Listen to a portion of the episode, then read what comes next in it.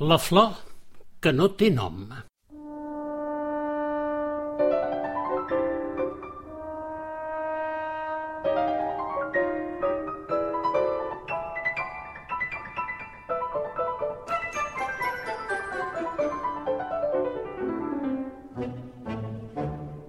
Bric era un elf força entremaliat. De fet, diuen que tots els elfs són de mena entremaliats, però en Bric ho era molt més que no pas els altres. Especialment perquè Finbana, reina de les terres de Danan, que és d'on venen els elfs, li havia encomanat ser un elf de primavera, que són els que més treballen.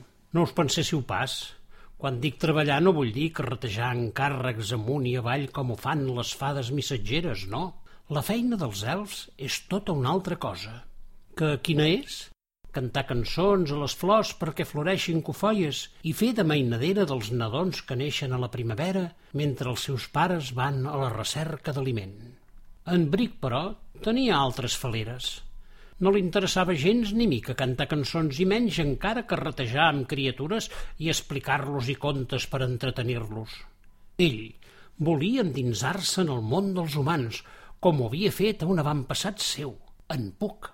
El cas és que aquell any, poc abans que arribés la primavera i just el dia que Fimbana repartia la feina entre tots els elfs i tothom estava molt enfeinat, Bric va aprofitar per fugir de les terres de Danan s'havia posat d'acord amb una mallarenga de bigotis que també volia conèixer la terra dels humans, on diuen hi havia coses molt diferents a les que coneixien i, sobretot, molt curioses, especialment els humans, perquè, segons havia llegit en els manuscrits del seu avantpassat en Puc, eren uns éssers molt, molt, molt vulnerables i a ser ridiculitzat pels elfs.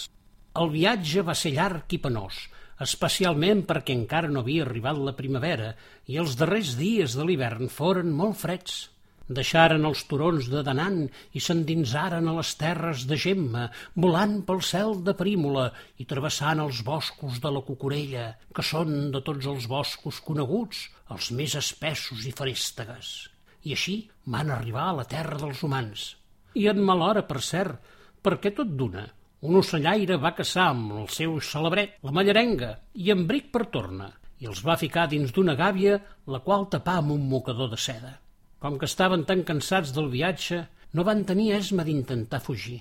Així és que es van adormir, tot deixant per demà el pensar com podien sortir d'aquell entrebanc. L'endemà els va despertar un gran brugit. Eren els crits dels mercaders mercadejant els seus productes. L'ocellaire havia portat les seves captures al mercat per fer-se un sou, i amb la seva veu d'espinguet cantava les excel·lències dels seus ocells, especialment d'aquella mallarenga adornada amb un plomall de color negre sota el bec. Els humans en deien bigotis, per això l'ocellaire cridava «Comprin, comprin l'ocell de bigotis! Us darà sort i us darà negocis!» Ben aviat una munió de gent observava encuriosida la ballarenga i oferia un bon diner per ella. Una dona de pell bruna i d'ulls tristos que portava un petit bailet a l'esquena com qui du un farcell, va acostar-se a la gàbia i va xiular baixet, baixet. Podeu comptar la sorpresa de l'ocell en adonar-se que aquella dona li deia amb llenguatge d'ocell «Vols venir amb mi?» Just en aquell moment, un ric comerciant havia fet la millor oferta per l'ocell però tan bon punt l'ocellaire va despenjar la gàbia per donar-la al comprador. La mallarenga, que, mal per mal, va pensar que seria millor que els comprés algú que parlés la seva llengua, es va fer la morta, no sense abans refilar-li les seves intencions a la dona de pell bruna. I ara, va dir el ric comerciant, que em vols vendre un ocell mort? Aneu a tomar vent i torneu-me els diners, estafador! El pobre ocellaire va quedar molt compungit i amb una cara de no saber què fer. No patiu pel negoci, que encara el salvareu. Jo us compraré l'ocell, va dir la dona de pell bruna i ulls tristos. Em quedaré l'ocell a canvi d'aquest petit feix de llenya que duia per vendre. L'ocellaire va pensar que aquella dona el volia per cruspir-se'l i ben mirat un feix de llenya era el millor negoci que podia fer amb un ocell mort.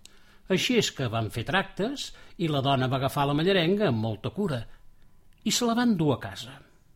A tot això, en Bric seguia amagat sota les plomes de l'ocell sense esma de treure el cap i molt, molt, molt espantat. En arribar a casa, la dona li va dir a l'ocell que ja podia reviscolar. «Com és que saps el llenguatge dels ocells?» li va demanar la mallarenga a la dona. «Veuràs, fa molt de temps jo era un ocell com tu, que va decidir visitar les terres dels humans. Per dissort meva no sabia que el meu càstig per deixar les terres de Danant seria convertir-me en humà. D'aleshores ençà he esperat en delit l'arribada d'una mallarenga per poder tornar de nou a casa meva, perquè, i així està escrit, només una mallarenga pot salvar-ne una altra. I si ara tornes a casa, què serà del teu fill? li preguntà la mallarenga. El meu fill vindrà amb mi i esdevindrà un elf.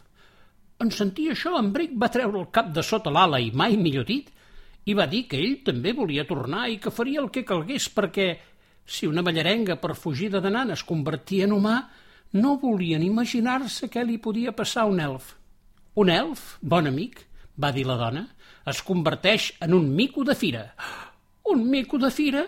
Valga'm Déu, jo no vull ser un mico de fira, va dir en Bric. Digues, digues, què cal fer? Hauràs de tenir cura del meu fill mentre la mallarenga i jo anem a cercar la primera flor de primavera. I quina és aquesta flor? va preguntar l'ocell. Aquella que primer obre els seus pètals, la flor més humil de totes i que no té nom. I com la coneixerem? insistí la mallarenga.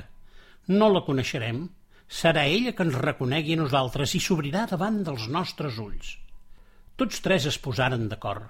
La dona de pell bruna i la mallarenga partiren a la recerca de la flor que no té nom i en Bric es va quedar amb el nen per tenir-ne cura. Ocell i dona van viatjar tot un any perquè calia anar ben lluny per a cercar la primera flor de primavera. Mentre en Bric cantava cançons al nadó i li explicava contes, és a dir, sense voler-ho, estava fent tota aquella feina que Fimbana li havia encomanat i que ell no havia volgut fer. I ara us preguntareu si la dona Bruna i la mallarenga van trobar la flor que no té nom. I és clar que la van trobar. I van tornar a casa quan tot just a Bric li començava a sortir la cua de mico de fira i a la mallarenga de bigotis unes orelles d'humà. I tots tres van prendre la infusió que va preparar la dona Bruna amb la flor que no té nom i tornaren a ser el que eren, dos mallarengues i un elf. I el nen? El nen ja era un elf molt eixerit, perquè totes les cançons i contes que li havia explicat en Bric feren el sortilegi de convertir-lo en elf. Així és que tornaren a les terres de Danant i mai més van tenir ganes de fugir.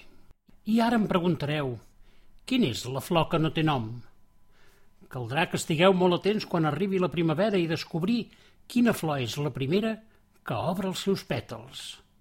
Quan la trobeu, poseu-li un nom i així deixarà de ser la flor que no té nom.